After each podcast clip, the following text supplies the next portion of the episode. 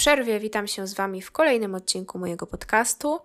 Wiem, że mówiłam ostatnio o regularności w publikowaniu, ale tym razem opóźnienie zostało spowodowane chorobą, zupełnie niezależnie od moich szczerych chęci. W każdym razie zapraszam Was do wysłuchania nowego odcinka. Tym razem materiał ten będzie raczej dłuższy niż zwykle. Dzisiejsza historia dzieje się w mieście Pensacola na Florydzie w Stanach Zjednoczonych. Taylor Wright ma 33 lata. Z zawodu jest prywatnym detektywem. W 2017 roku kobieta przechodzi przez naprawdę bardzo trudny okres w swoim życiu, ponieważ boryka się po pierwsze z licznymi problemami finansowymi, a do tego jest świeżo po intensywnym i stresującym rozwodzie. Ze swoim byłym mężem ma dziecko, synka, natomiast w 2017 zaczyna się już spotykać już z kimś innym, z inną kobietą, Cassandrą Waller. Taylor pewnego razu wypłaca z banku 100 tysięcy dolarów, a wypłaca je po to, żeby ukryć je przed swoim byłym mężem. Zwraca się ona po pomoc do swojej przyjaciółki, 40-letniej Ashley MacArthur, ponieważ ta posiada wiele kont bankowych i dodaje Taylor do jednego z nich. Kilka tygodni później, bo we wrześniu, Wright ma termin y, rozprawy, która dalej tyczy się jej byłego męża, dziecka oraz ich finansów.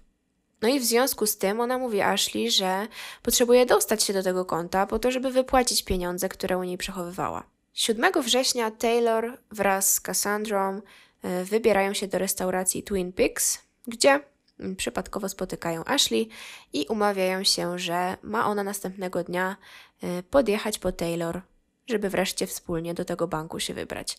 No i faktycznie tak się dzieje, ponieważ 8 września Ashley podjeżdża pod dom Cassandry. E, pod dom Cassandry, dlatego że Taylor już od jakiegoś czasu u niej mieszka, postanowiła się wreszcie do niej wprowadzić i przejść na kolejny etap związku. Z tego miejsca około godziny 10 rano kobiety odjeżdżają w stronę banku. Do południa Cass, bo tak pozwoliłam sobie skrócić imię Cassandry, tak też do niej mówiło wiele znajomych do południa Cass pisze kilka SMS-ów do Taylor i przez jakiś czas y, ta normalnie tak jak zwykle jej odpisuje, ale mniej więcej około godziny 11.30 kontakt zupełnie się urywa. Około 16:00 po licznych już wiadomościach, braku jakiejkolwiek odpowiedzi ze strony Taylor, Cassandra jest już mocno zaniepokojona, no i wiadomości wysyła tym razem do Ashley. Pyta się jej, czy wszystko na pewno jest w porządku. Mówię jej o tym, że jej dziewczyna od kilku godzin w ogóle jej nie odpowiada. Natomiast Ashley e, z kolei e, twierdzi, że nic złego się nie dzieje, że wszystko jest jak najbardziej e, w najlepszym porządku. W związku z tym Cassandra nalega, żeby Ashley powiedziała Taylor po prostu, żeby ta w końcu do niej zadzwoniła, bo po prostu się o nią martwi. Po jakimś czasie MacArthur dzwoni do Cassandry i mówi jej tym razem o tym, że mm, wraz z Taylor wybrały się do rodzinnej posiadłości Ashley, która znajduje się w East Milton.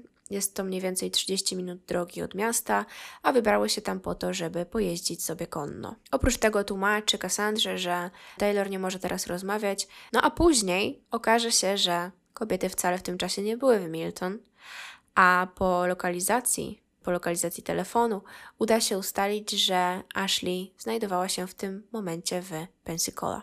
Kilka godzin później MacArthur znowu dzwoni do Cassandry i mówi jej o tym, że mm, po tym jak wraz z Taylor opuściły farmę, to udały się do jej domu, a mniej więcej około 17 Taylor zamówiła sobie Ubera mówiąc, że jest zmęczona, że ma ochotę wybrać się sama do jakiegoś baru e, i wypić, e, wypić sobie drinka. A po tej sytuacji Ashley już jej więcej tego dnia nie widziała. Cassandra wreszcie otrzymuje jakąkolwiek wiadomość od Taylor, e, ale brzmi ona dosyć dziwnie. Mniej więcej było to coś takiego, że napisała jej: mm, Zadzwonię do ciebie później muszę ogarnąć swoje życie, e, poskładać je do kupy i wszystko sobie przemyśleć. Jak się potem okaże, w godzinach, kiedy została wysłana ta wiadomość, Taylor Wright już niestety nie żyła. Wieczorem Ashley wysyła do zmartwionej kobiety screena screena wiadomości, którą rzekomo dostała od Taylor, mm, gdzie mówi ona o tym, że znowu wszystko jest w porządku, że potrzebuje po prostu trochę czasu dla siebie, e, żeby poukładać sobie pewne sprawy, że musi pobyć sama. Następnego dnia Cassandra znowu nie otrzymuje żadnej wiadomości od Taylor.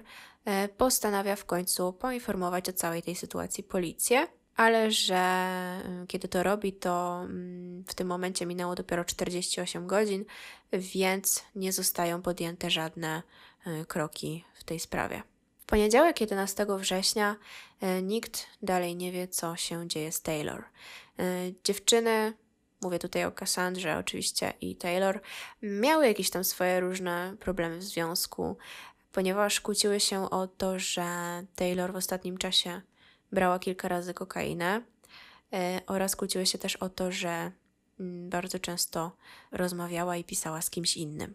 Cass ogarnia złość i smutek, Myśli, że to zniknięcie jej dziewczyny ma coś wspólnego z ostatnimi wydarzeniami, dlatego też postanawia pozbyć się rzeczy Taylor z jej domu.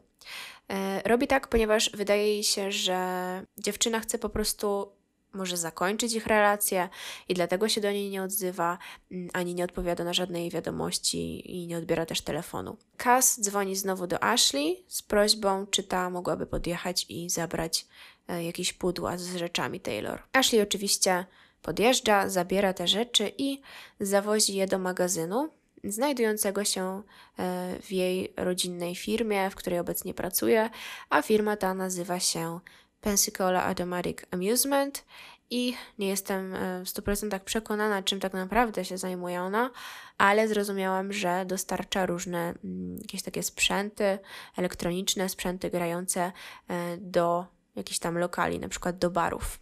14 września Cassandra już naprawdę się niecierpliwi i e, udaje się na policję, żeby już oficjalnie zgłosić zaginięcie Taylor Wright. Co ciekawe, samochód Taylor przez cały ten czas zaparkowany jest przed domem Cassandry, a w środku znajduje się należąca do niej broń. 15 września policja postanawia porozmawiać również z Ashley, e, ponieważ już wiedzą, że to ona jako ostatnia widziała zaginioną dziewczynę. Kobieta opowiada policjantom, że właśnie są one przyjaciółkami, e, że faktycznie były razem tego 8 września, ale Taylor wyszła od niej późnym popołudniem, a po tej sytuacji e, już więcej ani razu jej nie widziała. Policjanci przeszukują także mm, cały dom Cassandry, przeglądają jakieś pozostałe rzeczy Taylor i znajdują w nich czek. I to nie byle jaki, bo znajdują czek na 19 tysięcy dolarów.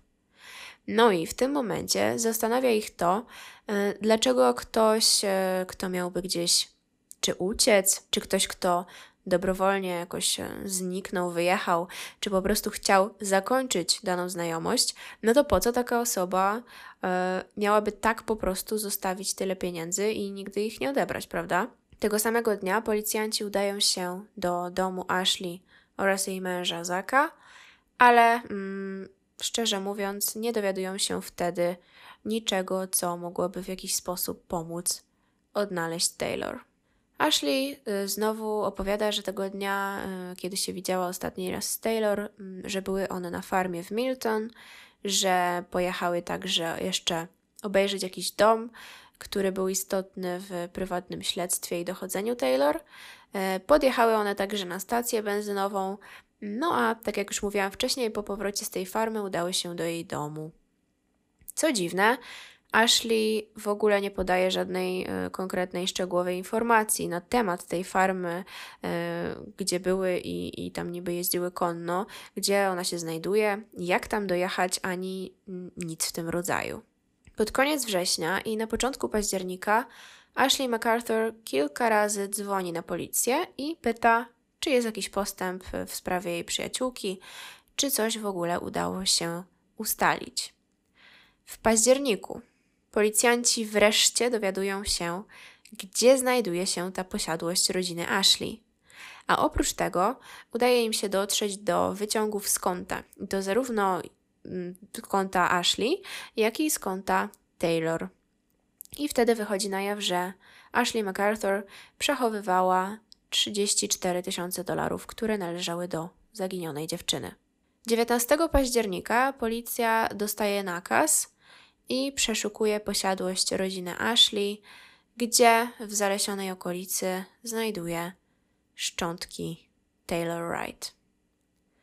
W tej sprawie na początku jest kilku podejrzanych, jest wiele możliwości, ale na pierwszy plan wysuwa się oczywiście Ashley MacArthur. Po zebraniu naprawdę sporej ilości dowodów zostają jej postawione zarzuty, zarzuty morderstwa pierwszego stopnia, a dwa lata później, bo w 2019 roku, rusza właśnie jej proces. Ashley jest zmuszona do tego, żeby znaleźć sobie mm, prawnika i wynajmuje dwóch adwokatów. Jeden z nich już w sądzie mówi o tym, że Taylor przechodziła przez naprawdę ciężki rozwód, a jej były mąż cały czas walczył o to, żeby odzyskać utracone pieniądze. Ich rozprawa zaplanowana była właśnie na mm, początek września 2017 roku, a Taylor się na niej nie stawiła. Jej były mąż mówi o tym, że w ogóle nie był e, zdziwiony tą postawą i że często Taylor zdarzało się e, nie przychodzić na takie umówione ważne spotkania, czy właśnie tak jak teraz rozprawę. Sama Taylor, będąc już w związku z Cassandrą, zaczyna się również spotykać z jeszcze inną kobietą i do tego parę razy próbuje narkotyków. Adwokat Ashley opowiada, że Cassandra była naprawdę sfrustrowana całą tą sytuacją, a pierwsze o czym pomyślała po zaginięciu swojej partnerki to to, żeby pozbyć się jej rzeczy.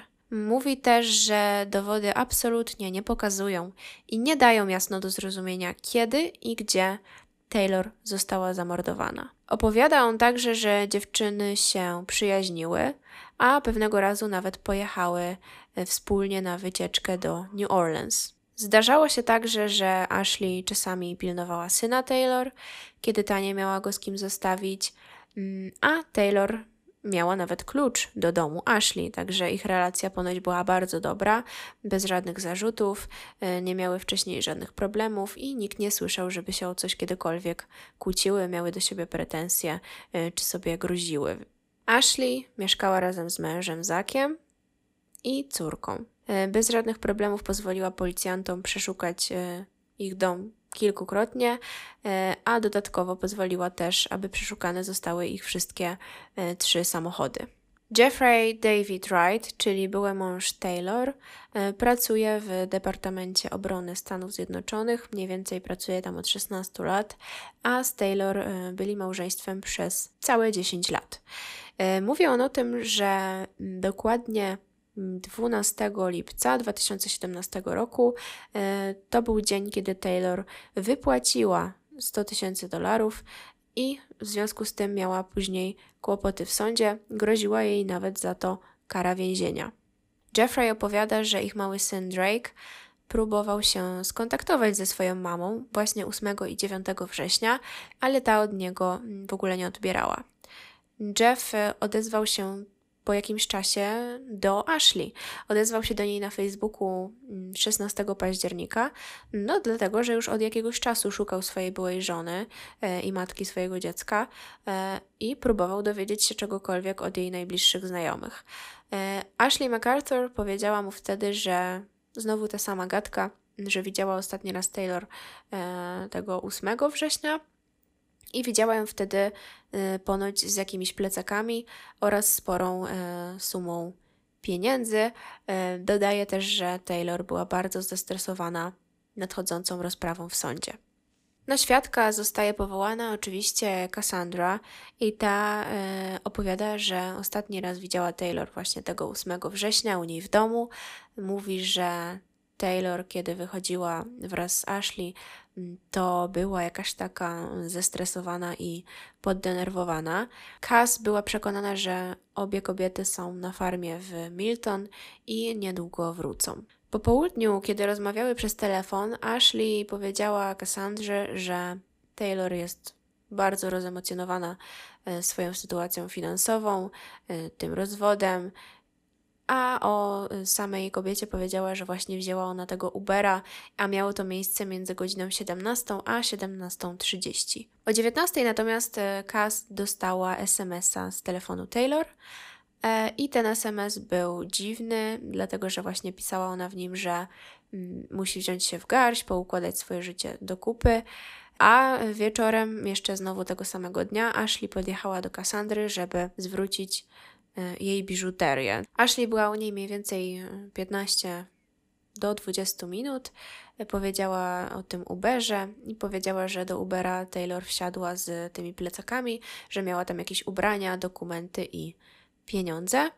I później znowu skontaktowała się z Kassandrą. Miało to miejsce około godziny 24. Wtedy znowu wysłała jej e, screena wiadomości, mm, którą otrzymała od Taylor. Cassandra przyznaje, że faktycznie od jakiegoś czasu e, w ich związku były pewne problemy, Między innymi to, że mm, w lipcu tego roku, czyli 2017, dowiedziała się o tym, że Taylor ją zdradziła, e, że zdradziła ją z inną dziewczyną, no i e, sama się do tego przyznała, a oprócz tego przyznała się również do tego, że brała kokainę. Po całym tym incydencie miały one mm, taką chwilę przerwy od siebie, od swojego związku, ale e, w końcu jednak udało im się odbudować relacje i po prostu do siebie wróciły. E, postanowiły zresztą ze sobą zamieszkać. Kiedy Taylor przestała się odzywać, Cass y, pomyślała, że być może ta, no cóż, znowu ją zdradza, albo gdzieś bierze narkotyki, gdzieś się może naćpała y, i boi się do tego wszystkiego jej przyznać. I to z tego powodu chciała się właśnie pozbyć jej rzeczy, myślała, że to jest po prostu koniec. 14 września y, Cassandra przeszukała na własną rękę samochód Taylor i zorientowała się, że znajdują się w nim dwa pistolety, a także cztery noże. I e, co zrobiła z tą bronią? E, porozmawiała o tym z Ashley i ta postanowiła je zabrać, po to, żeby przechować to wszystko w swoim sejfie. Jeszcze a propos tego dnia, kiedy Taylor zaginęła, to miała ona na sobie wtedy shorty, mm, białą jakąś taką tęczową podkoszulkę, e, czapkę z daszkiem oraz biżuterię. Mm, biżuterię, czyli naszyjnik, pierścionek, a także mm, bransoletkę. Cassandra w ogóle też mówi o tym, że przez cały ten czas, kiedy mm, się spotykały, kiedy były w związku, mm, to, że Taylor raczej nigdy przy niej nie zamawiała Ubera i e, uważała, że to kolejny, e, kolejna jakaś taka dziwna e, kwestia. Twierdzi ona również, że Ashley nigdy wcześniej nie wspominała im o e, tej rodzinnej farmie, farma ta znajdowała się na Brit Road. Mm, Brit, ponieważ e, Brit to jest nazwisko panieńskie Ashley, e, no i właśnie to jest nazwisko po prostu jej rodziny, dlatego tak się nazywało to miejsce. Adwokat pyta się Cass, jak ona się czuła tego dnia, kiedy zaginęła jej dziewczyna, no i co ona może więcej powiedzieć. No, mówi o tym, że była naprawdę bardzo zła, że w SMS-ach, które pisała do Taylor, e, trochę się na niej wyżywała, mm, że napisała jej, że ta ją okłamała i że jest zwykłą narkomanką.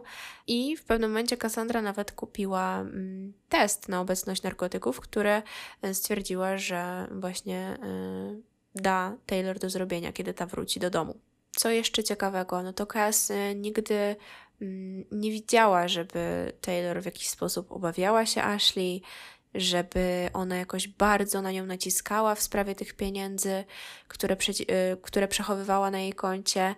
I ich relacja wyglądała całkowicie normalnie. Taylor narzekała jednak y, na to, że Ashley ciągle wymyśla jakieś wymówki, i że ciągle wymyśla jakieś historyjki po to, żeby właśnie z jakiegoś powodu nie pójść z nią do tego banku, żeby wreszcie mogła wziąć te swoje pieniądze. Kolejnym świadkiem e, w sprawie Ashley MacArthur jest jej ciocia Cara Britt. Jest właścicielką tej posiadłości w Milton, czyli tej e, Britt Road. E, Cara mówi o tym, że Ashley tak naprawdę nigdy u nich nie pracowała na tej farmie, ale posiadała klucze do tego gospodarstwa ponieważ e, czasami zajmowała się właśnie końmi. Potwierdza, że obie one miały bardzo dobrą, a wręcz świetną relację, ponieważ Ashley często przychodziła do niej na jakieś obiady, po prostu się chętnie widywały. Kara nigdy nie poznała Taylor osobiście, w ogóle nawet nie wiedziała o istnieniu takiej osoby, a co dopiero o tym, że jest to przyjaciółka Ashley i nie wiedziała o tym, że dziewczyna we wrześniu mm, zaginęła. Kolejną ciekawą postacią w tej historii jest Brandon Beatty. I kto to jest? Jest to właściciel baru, bar, który się nazywa Styx i jest to najzwyczajniej w świecie kochanek Ashley MacArthur. E, oni się poznali w 2016 roku i na początku mieli taką relację czysto koleżeńską, biznesową, ale w pewnym momencie ich znajomość przerodziła się w romans. W 2017 roku Ashley mm, przychodziła do jego baru już praktycznie E, codziennie. Okazuje się, że Brandon miał sporo długów i Ashley postanowiła mu pomóc.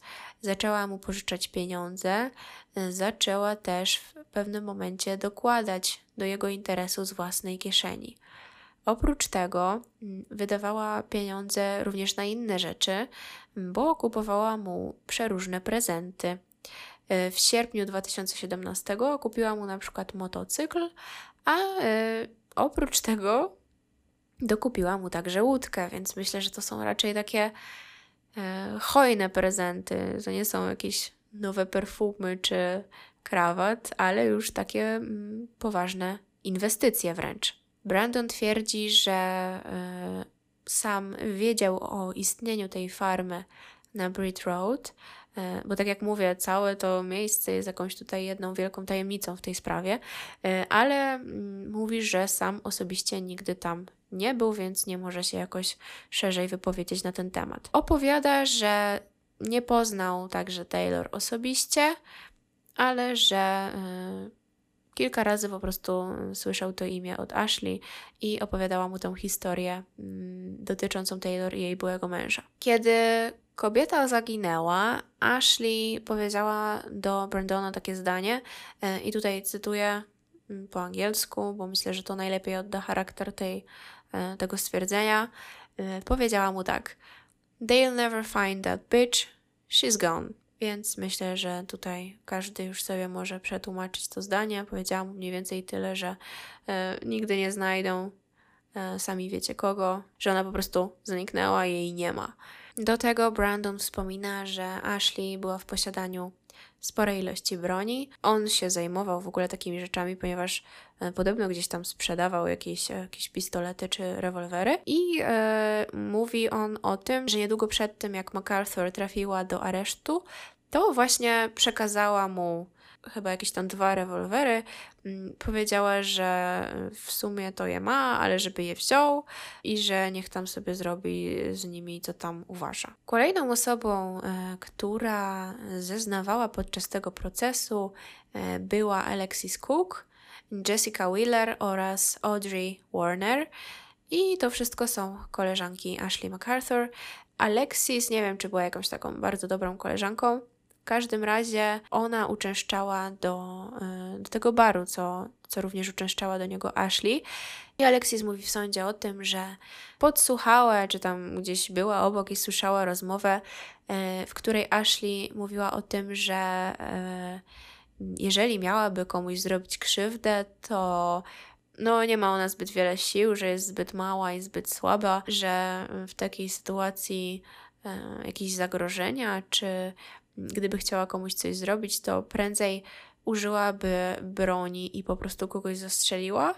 Oprócz tej dziwnej rozmowy, Alexis e, widziała również, jak Ashley e, trzymała w barze otwarcie, nie kryła się z tym, tylko trzymała w ręce na oczach innych woreczek z kokainą. Jessica Wheeler poznała się z Ashley także w barze i potwierdza, że Ashley, no można powiedzieć, że inwestowała w to miejsce, e, które należało do jej kochanka. Ciągle kupowała tam jakieś rzeczy, kupowała tam alkohol, na przykład kiedy się kończył i go brakowało, robiła jakieś większe zaopatrzenia i e, wszystko opłacała swoją kartą. Jessica opowiada, że ona również słyszała taką rozmowę, gdzie Ashley opowiadała innej koleżance o tym, że y, Taylor ją męczy i że ten świat byłby zdecydowanie lepszy, gdyby jej nie było. Audrey Warner w 2017 roku pracowała w barze w Styx, pracowała za barem. To jest dobra koleżanka Ashley. Ona akurat poznała jako jedyna chyba Taylor Wright w lipcu tego samego roku, właśnie przez Ashley. I e, w sądzie mówi, że Ashley wielokrotnie później mówiła jej o tym, że Taylor ją irytuje, że jest denerwująca i że naprawdę życzyłaby sobie tego, żeby wreszcie zostawiła ją w spokoju.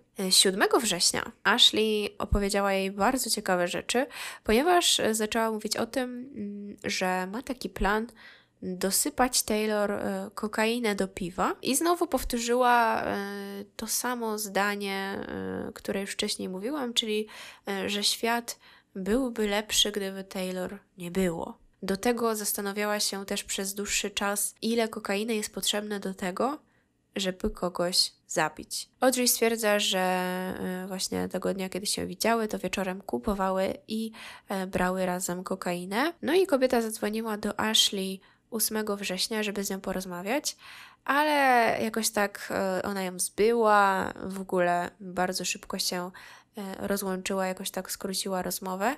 No i e, tego 8 Ashley podjechała w ogóle do baru, żeby zobaczyć się z Audrey, ale była bez Taylor a przecież cały dzień miała spędzić z nią. Audrey mówi, że wyglądała ona wtedy na zmęczoną, a dodatkowo zachowywała się w taki sposób, jakby e, bardzo jej się gdzieś śpieszyło. Do tego jeszcze mm, opowiada, że e, uważa, że nietypowe było to, że Ashley podjechała samochodem, który należał do jej męża, ponieważ zawsze po prostu jeździła swoim autem.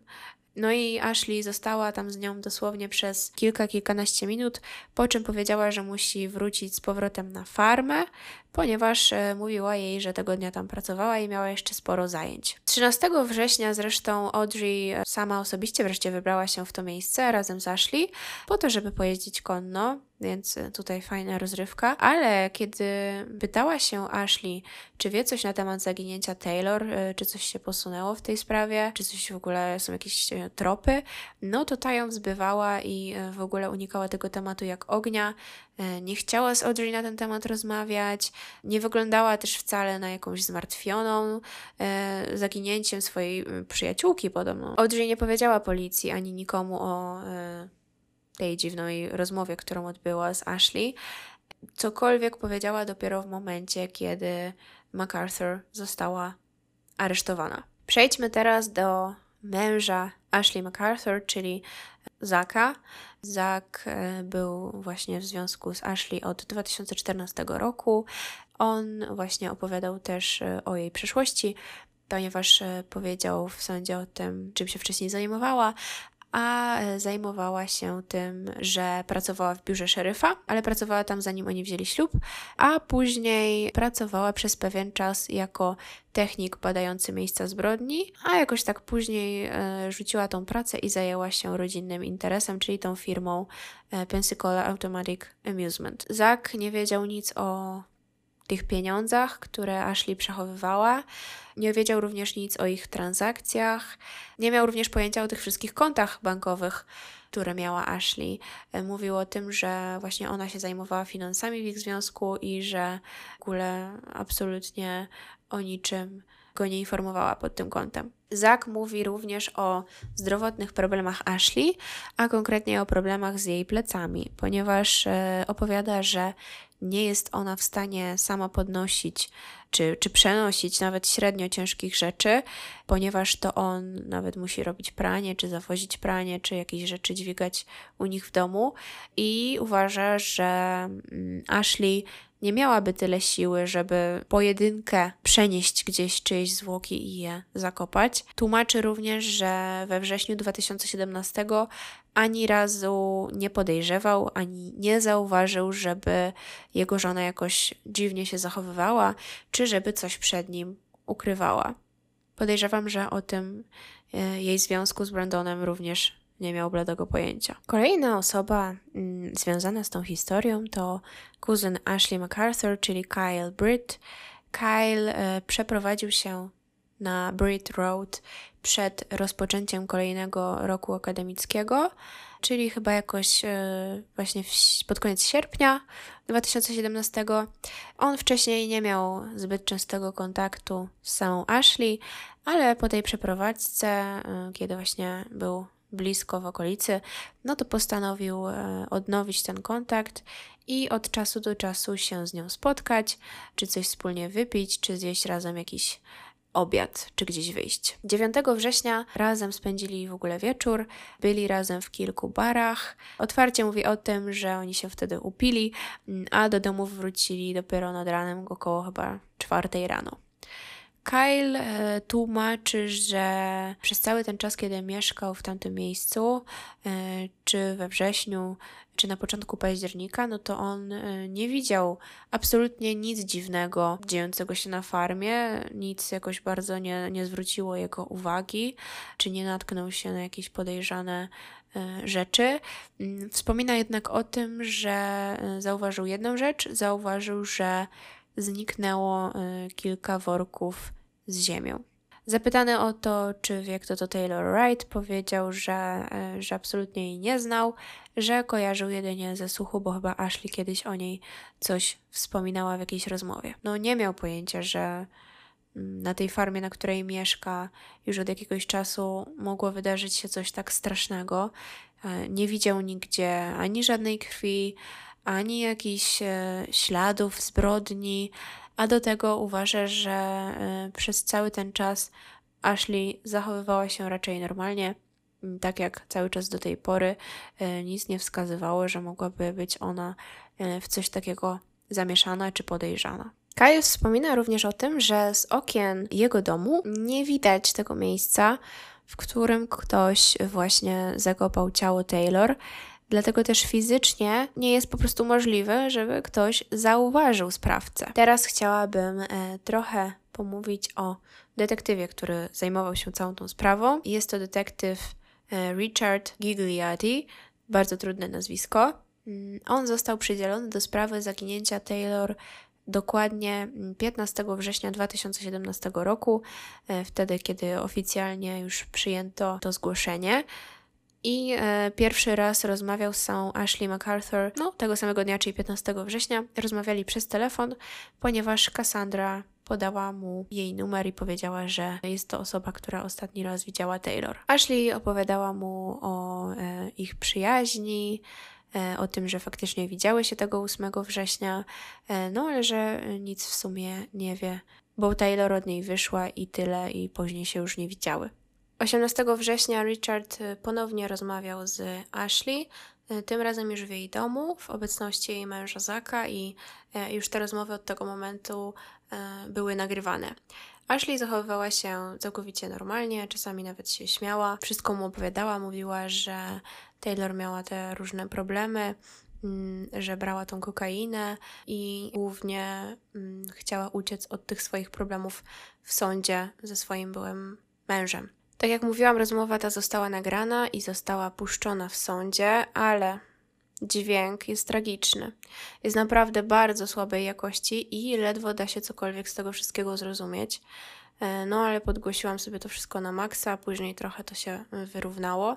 Ashley e, wspomina również, że Taylor mogła po prostu się spakować i gdzieś wyjechać e, z dala od tego wszystkiego. Próbowałam również obejrzeć w całości te wszystkie nagrania, które są z oficjalnego przesłuchania Ashley już na posterunku, ale tutaj znowu jakość dźwięku i tego obrazu pozostawia naprawdę wiele do życzenia. Zwłaszcza, że to nie jest jakaś bardzo stara sprawa z 90 któregoś roku, no a był to 2017, gdzie już sama jakość nagrań, e, nie wiem, w telefonach była bardzo w porządku, więc nie rozumiem, czemu tutaj e, policjanci nie mieli jakiejś porządnej kamery czy też dyktafonu. W każdym razie, wracając, y, Ashley y, tutaj znowu opowiada o tym, jak to pojechały razem na tą y, farmę do Milton.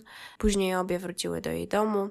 posiedziały trochę, a Taylor po prostu wzięła Ubera i wyszła. Opowiada także o skrytce depozytowej, e, skrytce, która była na jej nazwisko, a gdzie przechowywane były pieniądze należące do Taylor Wright. Bez jakichś tam nerwów, wszystko tłumaczy policjantom. Nawet tak bym powiedziała, że żywo to wszystko opowiada i, i dużo się śmieje i jest taka skłonna jestem powiedzieć, że jest taka wesoła. Kolejny raz powtarza także, że Taylor była bardzo, bardzo smutna, że to nie był najlepszy e, moment jej życia i że działo się u niej dużo złego. Co ciekawe, podczas tych przesłuchań zauważyłam, że Ashley kilka razy o swojej przyjaciółce opowiada w czasie przeszłym. E, mówi też, że dziewczyna zawsze przy sobie miała jakąś broń i bardzo chętnie wypowiada się na temat e, relacji Taylor i Cassandry. Pierwszego dnia podczas tego oficjalnego przesłuchania Ashley jest ubrana w taką bluzkę na ramionczkach z dosyć dużym dekoltem. E, jest ubrana również w krótkie spodenki i w japonki. No, taki strój dosyć nietypowy, jak na mm, przesłuchanie na posterunku mm, policji. Mm, bardzo dużo mówi, gestykuluje. Jest taka, tak jak mówiłam wcześniej, żywa i, i nie to, że tam siedzi i coś tam sobie pod nosem marudzi, tylko faktycznie z tymi policjantami rozmawia. W kolejnych dniach już jest y, jej ubiór jest taki bardziej zakryty, ma na sobie y, jeansy i białą bluzkę z długim rękawem i tak jak wcześniej już chyba mówiłam, bardzo często się śmieje. Tematem rozmowy jest także jej związek z Zakiem, czyli z jej mężem.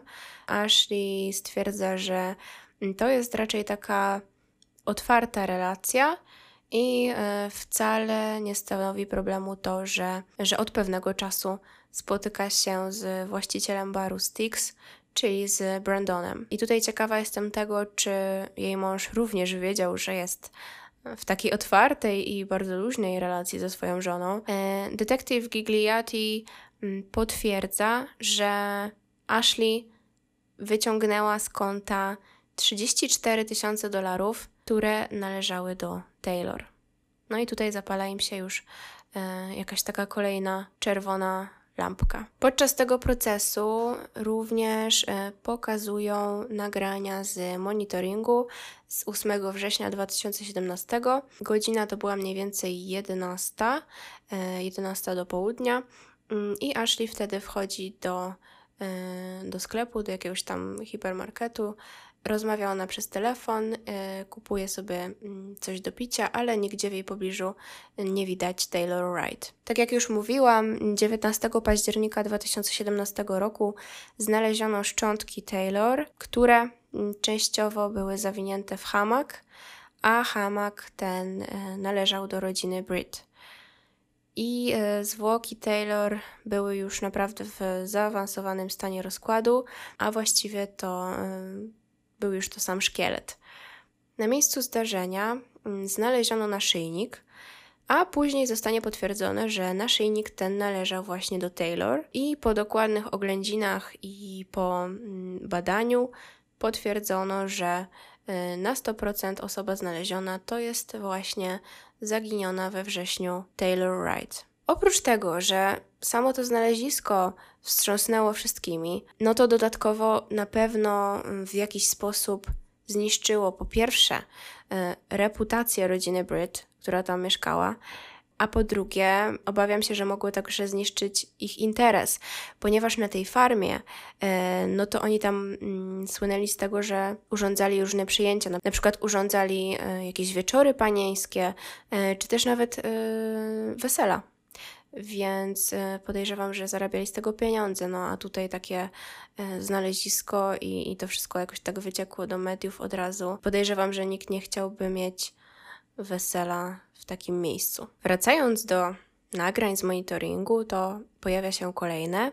Mm, nagranie ze sklepu Home Depot, czyli mm, takiego sklepu, gdzie można znaleźć różne rzeczy, czy do domu, czy do ogrodu, działki e, i tym podobne.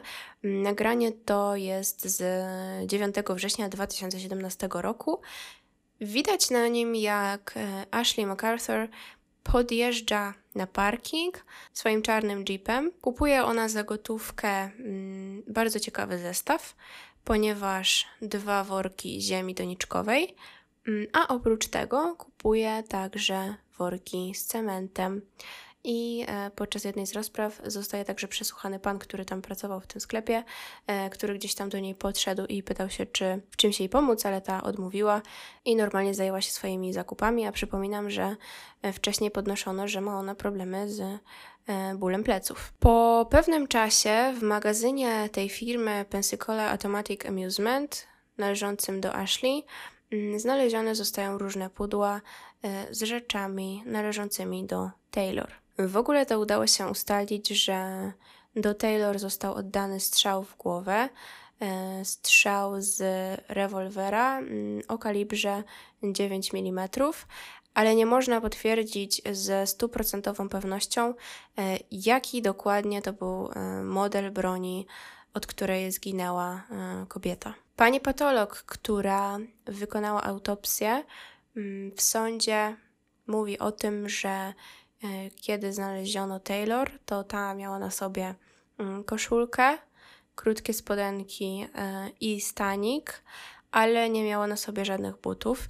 Mm, no, ale częściowo zgadza się ten ubiór z tym, e, jak Taylor była ubrana tego ostatniego dnia, czyli 8 września, kiedy, widziała, kiedy widziana była ostatni raz żywa.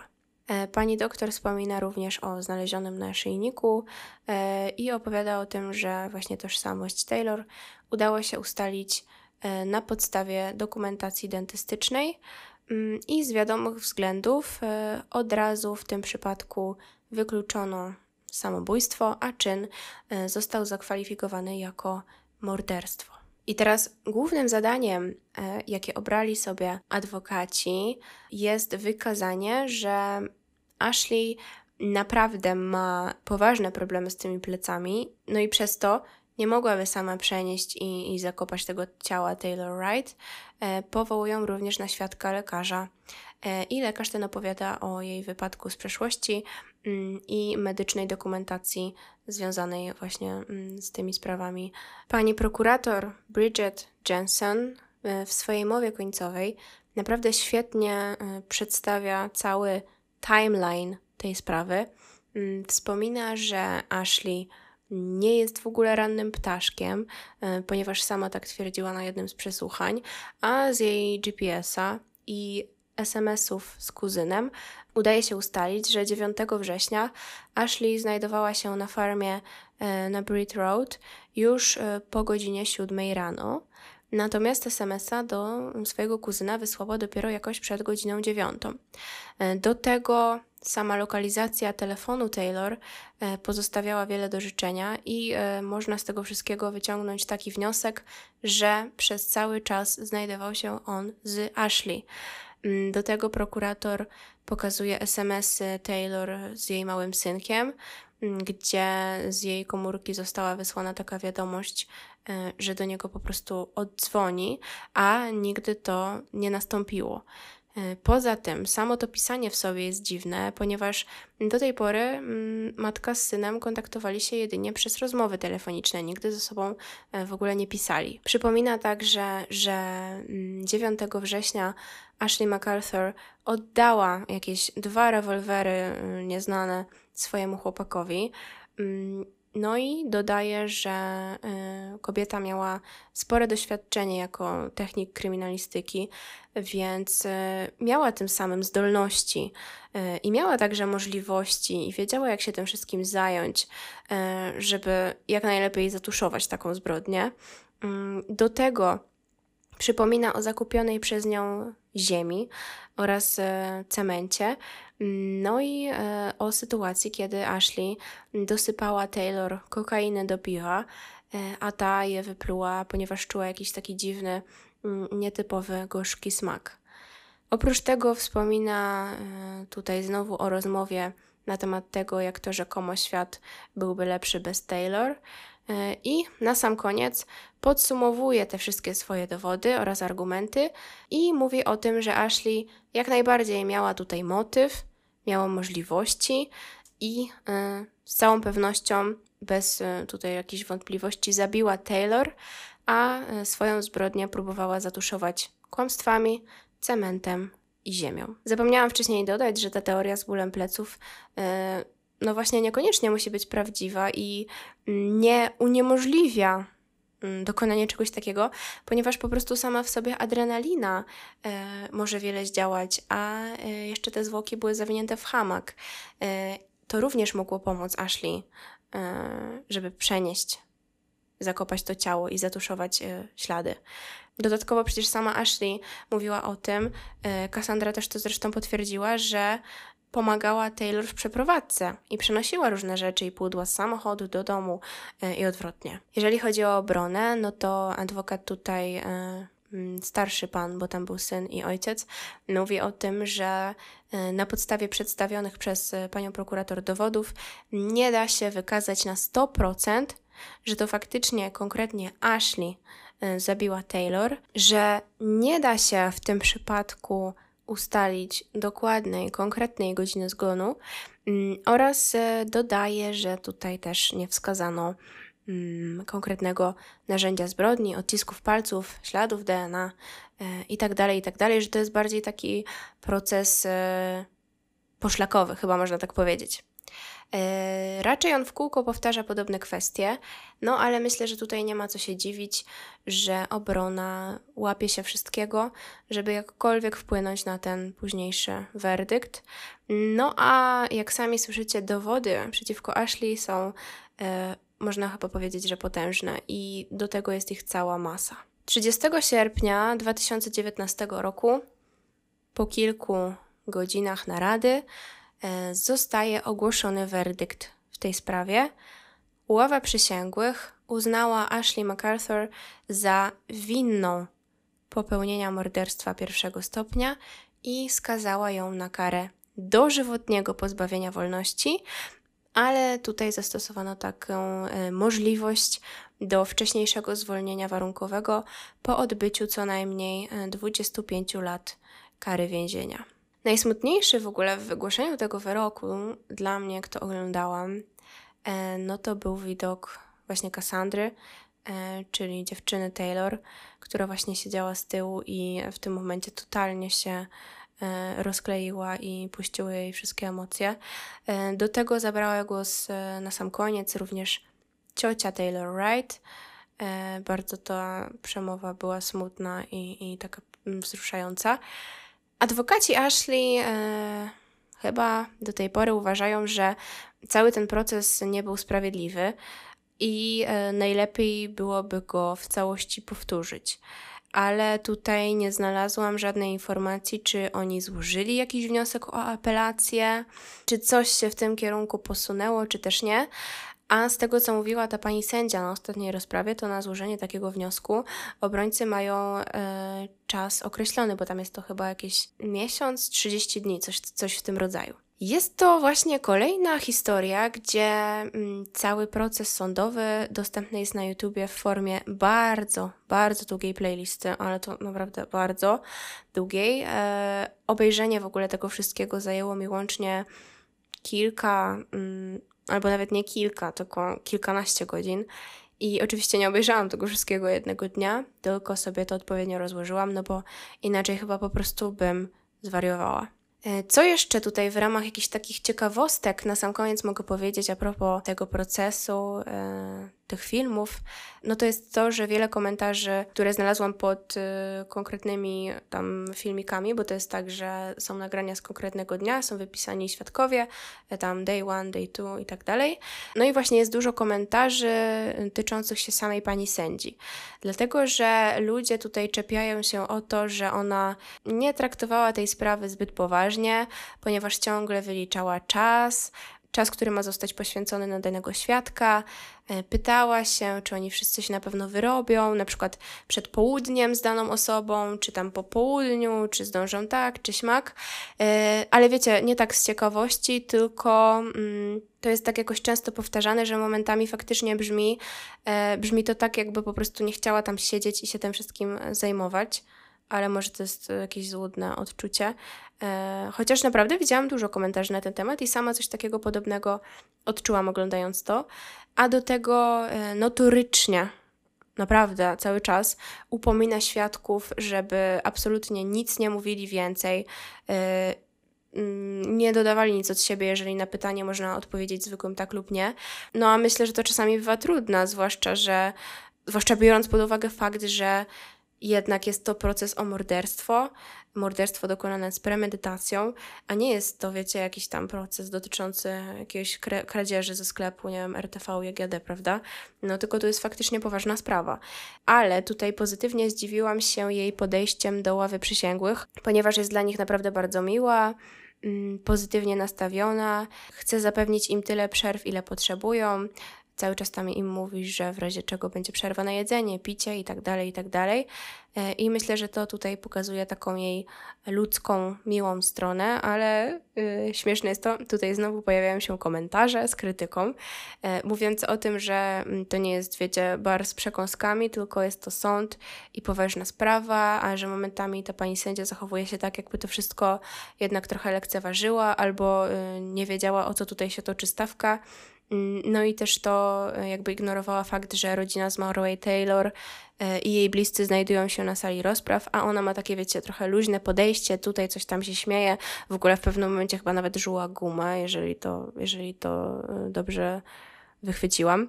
I tutaj tak sobie myślę, że jednak w przypadku takiej głośnej sprawy, która jest jeszcze medialna, no to nieważne chyba, co zrobisz i jak się zachowasz. E, jeżeli coś takiego zostanie opublikowane w sieci, to i tak znajdą się ludzie, którzy będą e, wszystko krytykować i którzy znajdą nawet najmniejszy, e, wydawałoby się czasami, że głupi szczegół, do którego się po prostu przyczepią i już.